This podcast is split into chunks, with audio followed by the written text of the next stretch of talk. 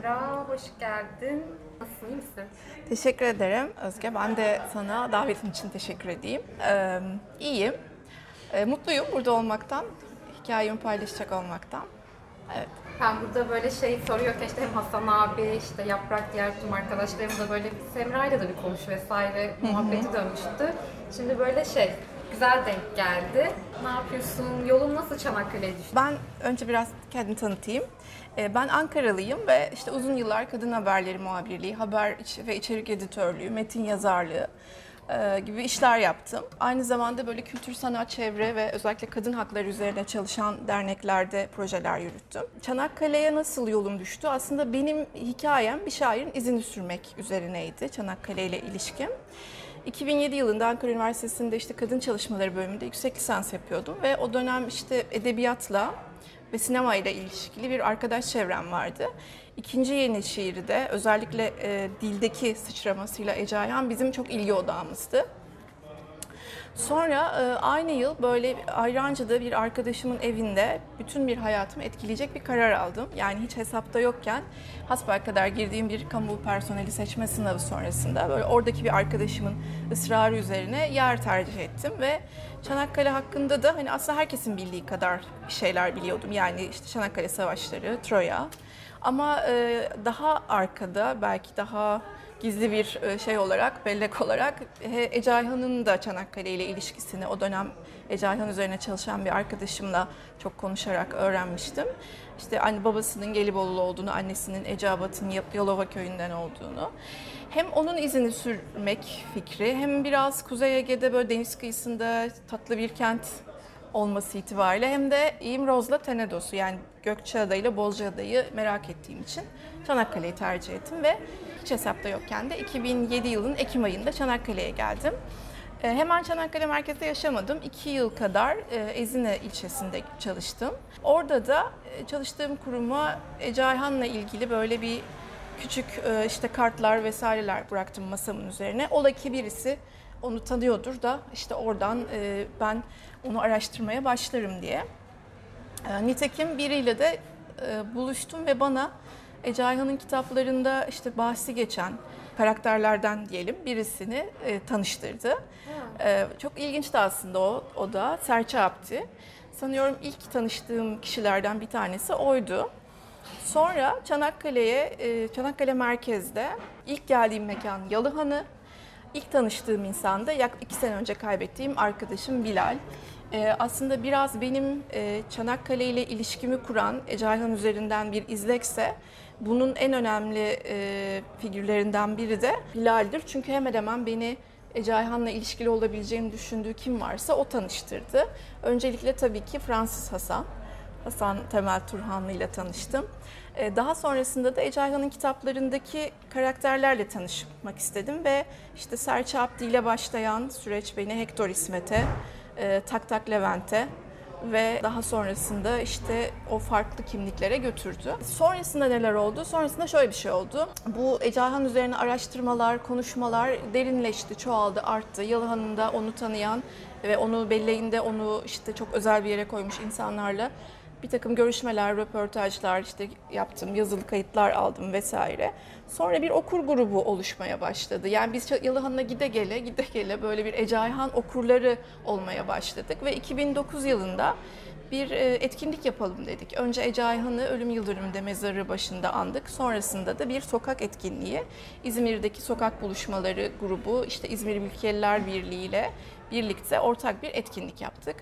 Ve e, bununla birlikte benim Ece Ayhan'la ya Ece Ayhan'ın izini sürme hikayem ve aynı zamanda Çanakkale'yi tanıma ve burada yaşama sürecim başlamış oldu diyeyim. Evet. Valla çok güzel bir başlangıç. Bu arada bahsettiğin karakterlerden hala hayatta olanlar var mı? Ya aslında var. Bence hani en e, böyle ilginç ve Çanakkale belleğinde çok özel bir yere sahip olanlardan bir tanesi de Hector İsmet. E, bir sosyolog kendisi. E, ben on, onunla da dostluk kurdum ve gerçekten Çanakkale'ye ilişkinde çok şey öğrendim. Özellikle Çanakkale'nin bu Şarp Hastanesi, hani her kentin biraz böyle belirli entelektüel e, hafızasının olduğu mekanlar vardır. Mesela çok eski Çanakkale için o Şarp Hastanesi olduğunu söylemişti. Bu hikayeyi de o hikayeyi de ondan dinlemeni öneririm. Evet. Şu an çok heyecanlandım. Bir görüşmedeyken diğer görüşmeyi düşünmek istemem evet. Yani sanıyorum Hasan da bu konuyla ilgili detaylı bilgi verebilir. Evet yani daha sonrasında da aslında bu Ece Ayhan'la ilgili maceram beni Çanakkale'deki hemen yani şu an ilişkide bulunduğum hemen herkesle tanıştırmış oldu. Aslında sadece Çanakkale ile de değil. Çünkü 2011 yılından itibaren biz daha aktif bir şekilde Ece Sivil Girişimi ismiyle çalışmalar yürüttük. Ve işte kentte Yalıhan'ın da öncelikle başlayan kültür sanat etkinlikleri, ifkare film gösterimleri, söyleşiler düzenledik. Sonra da tematik buluşmalar yaptık. 2011'den itibaren işte Ece Ayhan e, tarih buluşması, sinema buluşması, müzik buluşması. Bu bizi hem Türkiye genelindeki Ece Ayhan okurlarıyla da bir araya getirdi. Hem de aslında Çanakkale'de e, daha e, üretken bir e, alan açmamızı sağladı diyebilirim. Şu anki bu Ece, Ece Ayhan Kültür Evi ile bir şey var mı? Bağ? Aynen. E, güzel bir bağlantı oldu. Şöyle aslında bence bu da sivil toplumla e, yerel yönetim çok enteresan bir örneğidir aslında şey Ece Ayhan Kültür Evi'de.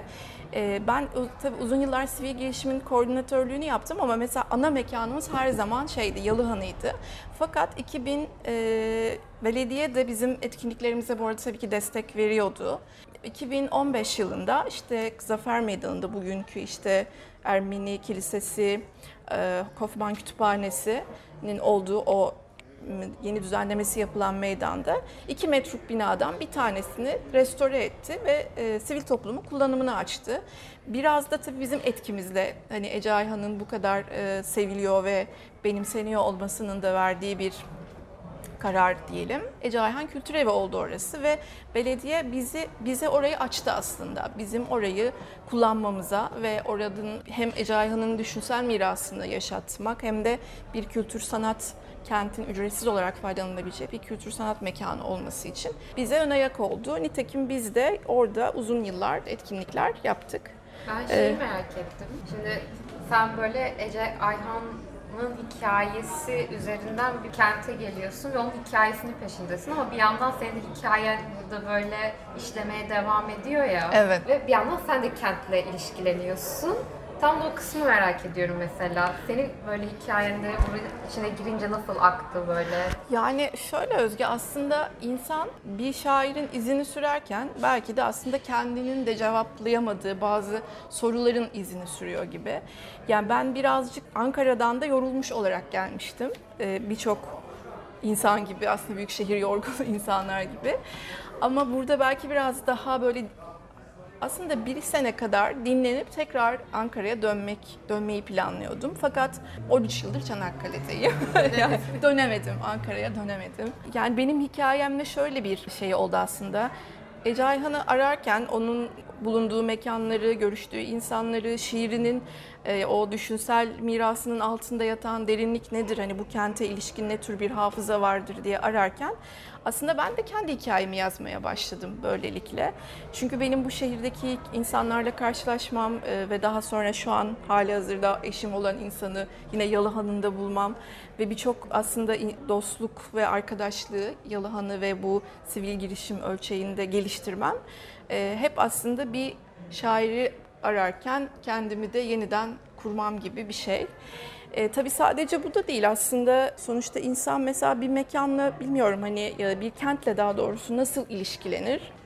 Bir tarihine bakarsın, merak edersin. Belki kültürel işte atmosferi bir koklarsın ya da ne bileyim sanatla ya da işte bir takım ekolojik faaliyetlerle ilgiliysen oradan e, yürürsün gibi. Çanakkale bu anlamda çok zengin. Yani beni de mesela en çok tatmin eden kısmı oldu sanıyorum. Dönemedim çünkü belki de hani benim kendi hikayem için çok uygun bir kent olduğunu, benim kendi kişiliğim için de çok uygun bir kent olduğunu fark ettim. Uzun yıllar İç Anadolu'da, e, Ankara Bozkırı'nda hırpalanmış biri olarak beni çok da şifalandırdı aslında birçok yönüyle.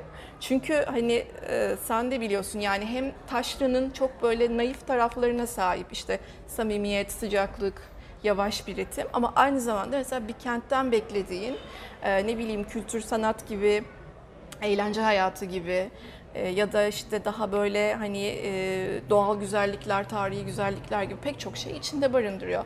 Dolayısıyla sen ne arıyorsan kendin için, kendine iyi geleceğini düşündüğün Çanakkale ölçeğinde bulman mümkün oluyor. Benim de sanırım aradığım şeyler buraya çok şeydi, uygundu yani. E, O yüzden de gitmek istemedim. Olursa, ömrümü yeterse e, kalmayı düşünüyorum burada. Güzel ya böyle şey 13 sene olmuş zaten. Evet, aynen, aynen.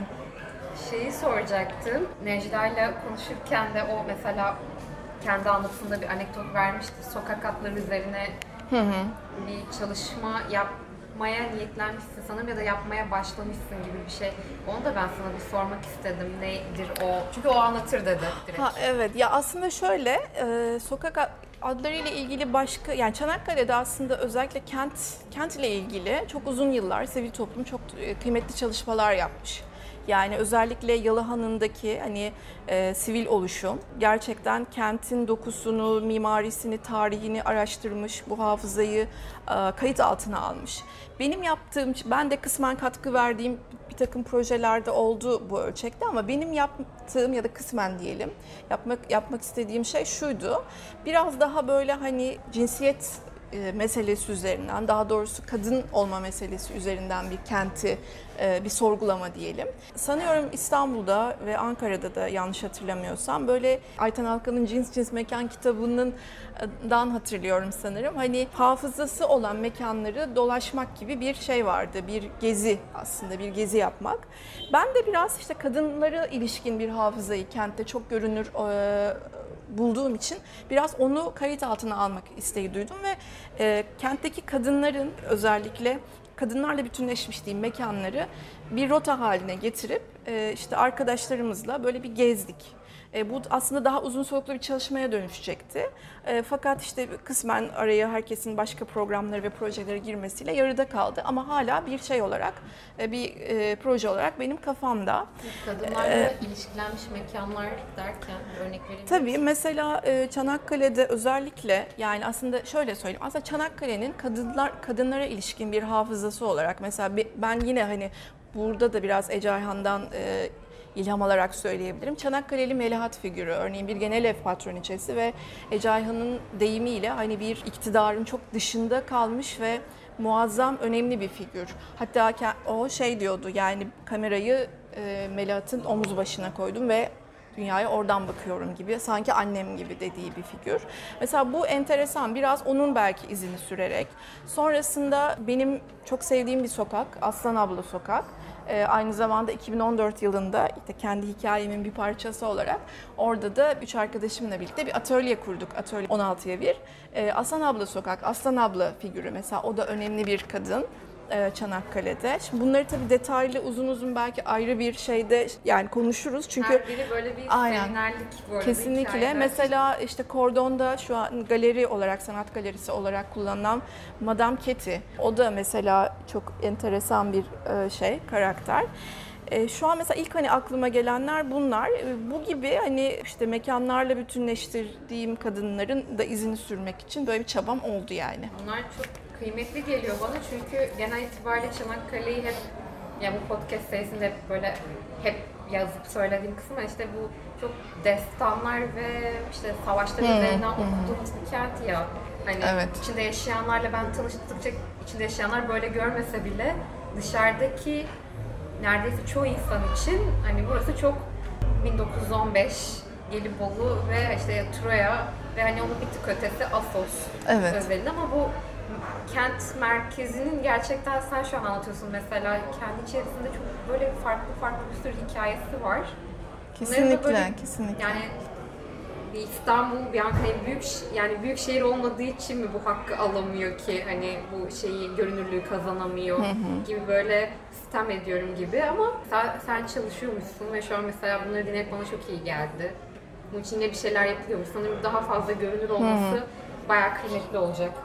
Ya kesinlikle öyle çünkü yani Çanakkale aslında böyle o kadar hani e, hikayeler e, kenti ki yani insan hikayelerinin ve özellikle aslında belki geçmişinin de bu çok etnili, çok dilli, çok e, inançlı yapısının da verdiği bir ruh bence hala bu kentte çok canlı.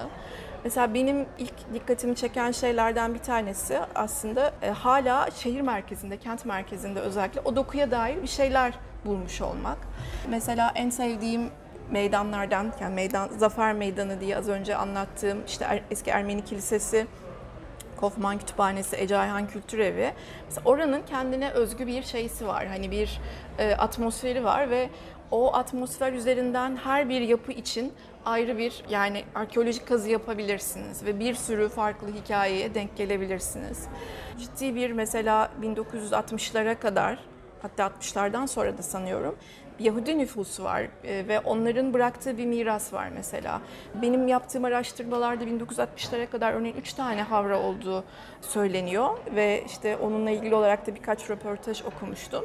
E, Şimdi bir tane var E, ama mesela o o hissiyat da bence hala Çanakkale merkezde yani Musevilerin, Yahudilerin bıraktığı bir kültürel miras da hissediliyor diye düşünüyorum. Benzer şekilde Rumların da öyle. Dolayısıyla mesela bu kadar hani farklı etnisitenin, kültürün, kimliğin yani bir, anda puf diye yok olması mümkün olmuyor. O insanlar buraya bir gelenek bırakıyor, bir renk bırakıyor ve e, o kenti onlarla birlikte düşünüyorsunuz. Yani kentin geçmişini de bugünün de onlarla birlikte düşünüyorsunuz. Nitekim buranın yemek kültüründen ne bileyim eğlence kültürüne kadar pek çok şey böyle çok iç içe geçmiş durumda. Bu mesela bana çok çok keyifli geliyor. Yani çünkü o akışları, geçişleri, e, insanlar arasındaki o canlı etkileşimi ve bunun mekansal karşılıklarını tanıklık etmek bir kentli için bundan daha muhteşem bir şey olamaz gibi geliyor. Öyle o yüzden de seviyorum genel olarak E, dediğin gibi. Hani belki hakkını vermekten kasıt e, yani şu konuda katılıyorum kesinlikle. Bence çok daha ne bileyim hani uzun soluklu kent araştırmaları yapılması gerekir Çanakkale'ye dair. Çok güzel işler yapıldı, çalışmalar yapıldı ama mesela hala çok zengin bir e, kaynağın olduğunu düşünüyorum kent araştırmaları için. Dolayısıyla da e, farklı e, temalarda örneğin çalışmalar olsa ve bunları herkesle paylaşacak işte ne bileyim bir yayına dönüştürülse mesela çok da güzel olur diye düşünüyorum. Ben mesela araştırma kısmında nispeten bir zorlandım. Geçtiğimiz sene pandemi varken buraya gelemedim o ilk zamanı pandeminin. Sonra ben biraz kaynak tarayayım, bunlar üzerinden ilerleyeyim gibi. Yani kaynakların çoğunun referans verdiği kısım savaş odağında. Hani bir Çanakkale yazdığın zaman şeye atıyorum işte akademik sitelere bir makale arayayım dediğinde zaten şey çıkmıyor hani. Savaş Evet. Özelinde gidiyor. Sonra böyle işte Zeynep Sudan'ın ya da işte Mithat Atabay benim ilk aklıma gelenler hani onların daha böyle e, İsmail Erten vesaire hani Aynen. E, iletişim yayınları en son bir şey Evet. o e, bir kitap çıkardı yine Çanakkale ile ilgili. var. Mesela Evet. benim biraz başucu kitaplarım olmuştu bir dönem. Hı hı. hani o büyük işte Aşklar, Savaşlar ve Troya, Troya'nın bir kitap kocaman böyle bir şey. Ama onun dışında mesela bugün bana bir kitap gösterdin, hiç haberim yoktu. Çok daha fazlası olabilirmiş belki ama hiç zaten bilmiyorum. Yapılan çalışmaları çok güzel ama bana hala azmış gibi geliyor. Evet, evet. Bir de tabii şöyle yani mesela biraz da konuyu dediğim gibi hani nereden ele aldığınla ilgili yani bir kente ilişkin olarak yapılan çalışma o kadar farklı noktalara odaklanıp bambaşka çalışmaları doğurabilir ki yani biz mesela biraz daha hani benim de e, sevdiğim ve ya- yapmayı istediğim temel şey aslında daha sivil hikayeler toplamak. Yani sivil bir bellek.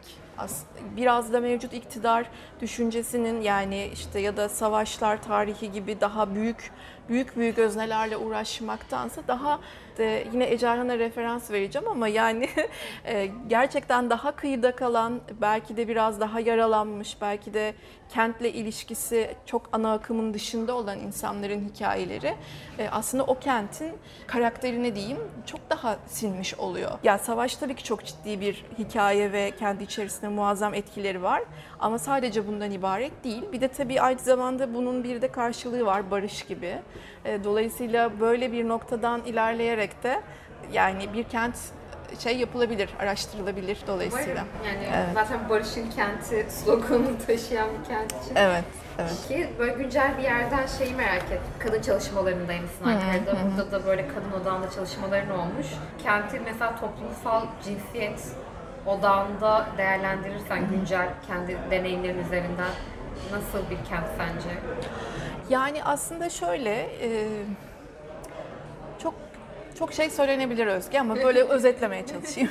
Bir, bir, bir yönü şu aslında biraz daha belki e, sosyal yaşam ya da gündelik hayat diyeyim e, oldukça kadın dostu diyebilirim. Yani özellikle hani İç Anadolu'da, Ankara'da e, karşılaştığım manzaraları ve hani oradaki kadınların çektikleri sıkıntıları düşündüğümde gündelik hayat pratikleri için konuşuyorum. Burada nispeten kadınların daha rahat, daha kendilerine hani rahat ifade edebilecekleri alanlar bulduklarını düşünüyorum. En başta da belki sokağa çıkmakta, işte ne bileyim giyim kuşamda fazla tacize uğramadan, çok hani yıpranmadan, yorulmadan geçirebildikleri bir kent. Yani e, yaşayabildikleri bir kent. Belki bu bir yönü. Bir taraftan da sivil toplumun çok gelişmiş olması bence çok önemli. Çünkü burada hani kadın dernekleri var. Benim de bir dönem çalıştığım Eldar örneğin çok aktif olarak çalışıyor. Bunun dışında belediyenin kadın hareketiyle ilgili e, daha doğrusu kadınların taleplerine diyeyim çok duyarlı bir belediye. Bu, bu da aslında önemli bir şey, önemli bir şans. Ee, bunun dışında da kadın hareketi tabii özellikle de üniversitedeki kadınlar, genç kadınlarla birlikte her dönem güncelleniyor ve hani taleplerini daha özgür bir biçimde ifade etmeye çalışıyor. Dolayısıyla da hani o bütün bunları bir arada düşündüğümde kadınlar için çok güzel bir kent Çanakkale. Yani yaşamak açısından güzel bir kent. Ama tabii bu sadece hani bir genelleme en nihayetinde. Birebir çünkü yaşadığımız elbette ki sorunlar kadın olarak, kadın olmaktan kaynaklı sorunlar her yerde olduğu gibi burada da var. Ama burada e, biraz daha rahat nefes alıyoruz diyebilirim. Tam bugün de bu kaydın yapıldığı bir Temmuz'da işte İstanbul Sözleşmesi'nden çıkış süreciyle alakalı eylem var. O da bence kayıda geçsin diye Evet, bir evet önemli. Saat 6.30'da saatin orada burada kadınlar buluştu. Saat 7'de yani şimdi aslında İstanbul'da büyük bir eylem var. Evet. Yani İstanbul Sözleşmesi hepimiz için çok kıymetli ve önemli bir sözleşme. Dolayısıyla bu bizim vazgeçebileceğimiz bir sözleşme değil elbette. Ee, tabii Türkiye'nin her yerinde olduğu gibi Çanakkale'de de elbette bu konuda bir duyarlılık var. Umuyor- Umuyorum da sonuç getirsin bu mücadele. Ee, evet, bu konuyla ilgili Böyle. diyebileceklerim bunlar aynen. Arşivde dursun bakalım süreç içerisinde göreceğiz mücadele nereye gidecek. Şey bir sorumda aslında böyle işte sanırım hemen hemen herkese sordum galiba. Rüzgarla aran nasıl? Kent rüzgarıyla aran nasıl diye. Rüzgar evet Çanakkale'nin çok önemli bir e, ne diyeyim çok önemli bir özelliği ve gerçekten eğer rüzgar sevmiyorsanız burada yaşamanız pek e, mümkün değil. Benim genel olarak aram iyi ama burada sanıyorum mesela en zor rüzgarlardan bir tanesi lodos. Çünkü benim de gözlemim bu oldu. Gelen arkadaşlarım lodos nedeniyle çok bunalıma girenler oldu. E, özellikle baş ağrısı ve işte böyle muazzam bir e, rehavet hissi falan yaratıyor. Bir de tabii sert rüzgarı var özellikle kışın. Hastane bayırından yukarı çıkmayı denediğinizde mesela sizi epey zorlayan bir şiddetli bir rüzgar var. Ben seviyorum Çanakkale'nin rüzgarını. Çünkü biraz hani bu kentin kimliğinin de bir parçası olduğunu düşündüğüm için hani bir, bir ölçüde birlikte yaşamak zorunda kaldığım zaman zaman tatsız olabilen, huysuz olabilen bir arkadaş gibi. Ama bir tarafıyla da mesela ilk Çanakkale'ye geldiğim yıllarda hep şey demişlerdi bana. Çanakkale'nin delisi çoktur. Rüzgarındandır o diye. Hatta evet Lapseki'de yanlış hatırlamıyorsam bir Deliler Derneği de vardı. Yani Lapseki'de e, etkinlikleri oluyordu yanlış hatırlamıyorsam. Başkanıyla da yine Yalan'ında tanışmıştım Deliler Derneği başkanıyla. Dolayısıyla böyle insan insanların psikolojisi üzerinde ve bence belki düşünceleri üzerinde de ciddi etkileri olduğunu düşünüyorum Çanakkale rüzgarının. Hem biraz esintili olmak, belki biraz boş vermek, biraz rahat olmak, biraz da aslında öfkeli olmak. Yani bütün bunlara karşılık geliyor Çanakkale'de sanırım rüzgar. E, sinemacı bir arkadaşım hep şey diyordu mesela gerçekten Çanakkale'nin rüzgarı ile ilgili bir film çekilmeli diyordu. buyursun merak ediyorum diye. Bilmiyorum o da o da bir Teklif ortaya e, 10 yıl kadar ama- oldu yani e, henüz çekilmedi şey, ama buranın rehavetinden muhtemelen. olabilir. Evet. Açıkçası şu sıcaklarda buraya gelirken şey istemedim değil yani. Essin ya çok essin. Bayağı sıcak şu ara. Yine rüzgardan biraz kurtarıyor. Bir de şu an Han'dayız. Han'ın o şey Evet. gölgelik yani direkt şu an salkım kapatmış. Ben şey sen böyle bahsederken zaten ben de bu arada öyle hissediyorum da işte entelektüel buluşmaların gerçekleştiği bu özellikle işte galiba 1900'lerin başında işte Viyana'da, Paris'te sürekli kafelerde buluşulup işte şiirler tartışılıyor, Okunur, evet. okunuyor ya da işte ne bileyim insanlar makaleler üzerine vesaire tartışıyor. Bir böyle bir ortam. Bir de gerçekten sanırım insanların çok kesişim noktası. Hani burada ben de herkesle burada tanıştığım gibi bir şey oldu aslında ağırlıklı olarak. Evet. Ee, tam böyle mekan ya, böyle biz de Han'da yapıyoruz şu an. Hı hı. Ben hani Han özelinde hani tam senin için mesela hayatındaki yeri nasıl belki biraz daha derine inmeni isteyebilirim. Biraz Tabii yani ama. deneyeyim Özge evet deneyeyim. Ya bir kere Yalıhanı benim açımdan e, çok özel bir mekan. Benim kişisel tarihim içerisinde çok özel bir mekan. Hani konuşmamın başında da belirtmiştim. İlk geldiğim Çanakkale merkezde ilk ziyaret ettiğim mekan. Aynı zamanda da sivil toplumun kalbi diyebileceğim bir yer burası. Şimdi normalde mesela büyük şehirlerdeki alışkanlıklarımız hani birileriyle buluşmak için işte önceden sözleşiriz, plan yaparız, program yaparız vesaire. Ama mesela hani bu Taşra'daki bu kıraathane hikayesi biraz daha insanların birbirini e, bulabileceği, sözleşmeden, anlaşmadan, konuşmadan birbirini bulabileceği bir yer. Bu yönüyle mesela çok aslında enteresan gelmişti bana ilk geldiğim yıllar. Bunun dışında da bu kadar yoğun bir hani karşılaşma e, hadisesi yaşamış olmak da çok ilginç. Yani bir gün bunu denedim. Böyle Çanakkale'li olmanın bir koşul da Han'da saatlerce oturabilmektir diye bir e, muhabbetimiz olmuştu.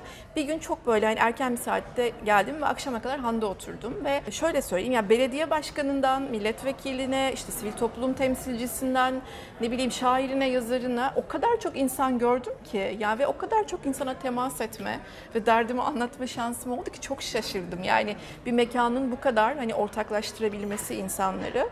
Bu karşılaşmaların yanında aynı zamanda bir kültür sanat mekanı burası. Yani pek çok işte sergi, konser de ol- olmuştu. Aynı zamanda arkeoloji buluşmaları gibi sivil toplumun çalışmalar yürüttüğü bir mekan.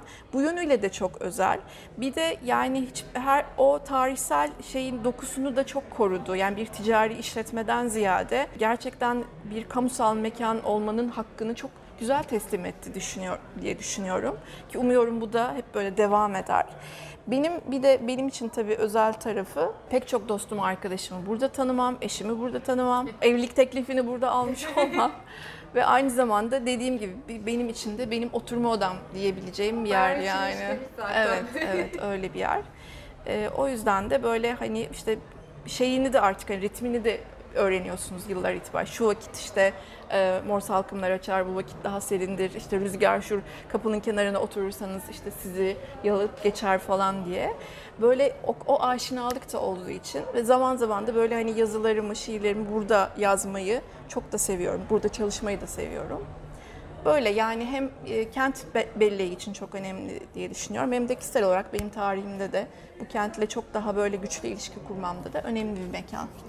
Ama mesela hani sadece Yan- Yalıhanı'da değil yani Yalıhanı evet çok önde gelen ama mesela birçok aslında mekan var benim de Çanakkale'de çok sevdiğim. Böyle örnek vermek ister Ya misin? mesela- Belki ben sonra Ha, ya aslında senin de. Özge muhtemelen bildiğin yerlerdir ama yine de şey yapayım. Bir kere hmm, bu ba- bahsettiğim Zafer Meydanı'nı çok seviyorum. Oranın da dokusu ve atmosferi çok hoşuma gidiyor. Kaufman Kütüphanesi, Ermeni İsminin Zafer Kilisesi. Meydanı olduğunu bilmiyordum. Ben Evet çok orayı seviyorum evet orayı. orayı belediye bir restorasyon sürecinden geçirdikten sonra e, Zafer Meydanı ismini koydu. Hatta ben benim ona ilişkin şeylerim de vardı. Oradaki bir araştırmam da vardı da. Yani orada Orası eski Ermeni mahallesi aslında Roman mahallesinin kesişim Aynen, aynen Yeri. öyle. 1960'lara kadar böyle bir depo olarak kullanılmış sanıyorum kilise. Daha sonra 2000'ler yılında e, restorasyonu yapılmış. Evet bir Surpkevork Ermeni kilisesi. Bir de tabii orada şey de var. Ermeni Sıbyan Mektebi olan Ha o kilise evet aslında evet kilise sanıyorum öyle bir şey de barındırıyor. Bir de tütün deposu olarak kullanılmış Korfban Kütüphanesi var. Daha sonra Troya Vakfı ta, ne, tahsis ediliyor. Güzel bir kütüphane. O da güzel bir kütüphane. Orada da çalışmak çok keyifli. Bir de Tıflı Camii var. O da 1870 yılında yapılmış. Dolayısıyla da böyle o şeyin hani hem kültürler, kimlikler ve inançlar arasında bir geçiş şeysi olduğu için mesela bir, benim çok hoşuma gidiyor. O alan var. Bu arada biz böyle söylüyoruz ama bu tam belki şunu da belirtmek gerekir. O Tıflı Camisi'nin zaten hemen karşısı cami içinden geçip o ana yola çıkınca Aynalı Çarşı'nın olduğu yer. Evet, Pek Haylo çok insan Pasajı. Aynalı Çarşı'yı göreyim diye geliyor ama senin dediğin yer de oranın aslında 10 adım ilerisi Ay, ve evet ve o kadar şehir içinde olup o kadar da görülmeyen bir yer sanırım. Çünkü hani şey değil. Kesinlikle evet o yani çok öyle özel olarak bir gezgi ya gezgin olarak bir araştırma yapmadıysanız gerçekten hani Aynalı Çarşı'dan sonra şehirden ayrılabilirsiniz. çok üzücü olur. Bir şey o. Bir de e, Halk Bahçesi'ni çok seviyorum tabii ki. E, eski İngiliz bahçesi olarak. Oranın da gerçekten çok özel bir atmosferi var. Bir de hani böyle bir şehrin ortasında nefes aldıran bir yer olması çok keyifli. İşte çimler ve işte orada ne bileyim oranın da düzenlemesi çok hoş oldu. Eski halinde hatırlıyorum. Dolayısıyla o da hem bir e, kentin hafızası aslında bir şeyde hem de insanların yine böyle buluşup dinlenebildikleri hoş bir yer. Onun dışında başka ne var? Ha bir de Fatih Camii. Yine merkezde Fatih Camii ve avlusu. Orayı da çok seviyorum. Oradaki çınar altı, orayı da orada da işte Hemen şu Şarkı'ya giderken şuradaki camiden mi bahsediyoruz? ee, Evet yani şey arka tarafta şey var hani kalenin arkasına denk düşüyor aslında. Orada bir otopark falan var. Ha, tam daha ilerisinde. Daha ilerisinde evet. Mesela orayı ben. Evet orası da mesela çok yani e, Fatih Camii de eski bir cami. Fakat avlusu ve özellikle oradaki çınar altı mesela çok hoş bir atmosferi var oranın da. E, Ben orada da böyle çalışmayı ve e, okumayı çok seviyorum. Bir de tabii e, Sarıçay'ın denize döküldüğü balıkçı barınağı. Mesela en çok sevdiğim yerlerden bir tanesi. E, Çok eskiden daha işte salaş ve bakımsızdı. Daha sonra orası da ufak bir restorasyondan geçti. Çanakkale'de böyle gün batımının en güzel izlenebileceği yerlerden bir tanesi. Hemen Fevzi Paşa'nın karşı tarafında oluyor. Bir de tabii o şey de çok hoş. Yani işte bir nehrin Sarıçay'ın denize döküldüğü şeye de tanıklık ediyorsunuz. Öyle enteresan bir Dardanel, Dardanelles atmosferi yaratıyor size. Mesela böyle bütün hani e, kent merkezi gezilerimde illaki bu durakların işte birine uğrarım. E tabii bir de kordon çok keyifli. E, çok kalabalık olmadığı zamanlar. Ben sabah erken saatlerini seviyorum. Bana şu an Ee, çok iyi geldi bu şey. Özellikle balıkçı barınağına bir... Yani Evet. o kadar geçtim Seni balıkçı ben barınağına götüreyim ben. E, orayı birlikte Gözüme bakmamıştım. O yüzden şu an farklı bir şey oldu Tamam. benim için de. Orayı da bir birlikte en azından bir deneyimleyelim. Güzel olur. Yani bu, bunlar aklıma gelenler. Şimdi ilk anda kent merkezi için ama tabii Çanakkale'de güzellikler gerçekten bitmiyor. Yani sadece kent merkezi için değil biliyorsun ilçelerde, adalarda hepsi aslında birbirinden güzel. Merkezden çıkmadan zaten bu kadar hikaye ve devamı geliyorken Senin yani bu çalışman epey bir uzayabilir yani o durumda. benim niyetim de o yönde. Demek istediğim bir şeyler olur mu? Yani eklemek istediğim bir şeyler neler? Yani çok eksik bıraktığım şeyler olmuştur muhtemelen. Onu düşündüm şimdi. Bir sonraki buluşmamız için bahane olur. Evet, aynen kesinlikle. Tekrar tamam, tekrar buluşalım. Benim için de çok keyifliydi. Hem sayende biraz da böyle kenti tekrar düşünme şansım oldu. Yani biraz aslında dediğim gibi belki bir özet geçeyim. Bir şairin şiirimiz kentten içeridir abiler dizesiyle ya da işte düz ayak çivit badanalı bir kent nasıl kurulur abiler sorularıyla yola çıkmış ve kendi hikayesini bulmaya çalışan bir kadının hikayesi benim hikayemdi. İyi ki de Çanakkale olmuş. Şimdi böyle düşündüğümde gerçekten çok keyifli bir süreç yaşadığımı fark ediyorum. Ve bunun aslında bu kentin bana çok şey kattı, katmasıyla ve aynı zamanda benim de galiba iz sürme hevesimin hiç sönmemesiyle alakalı olduğunu düşünüyorum. Ee, eklemek istediğim başka bir şey yok. Ee, bilmiyorum ama tekrar belki biraz daha İllaki var da evet şu an için evet şu an için yok.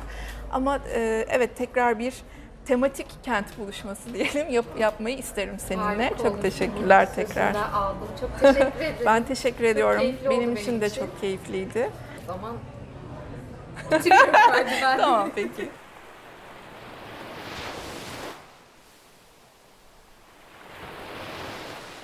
Fugamundi sundu.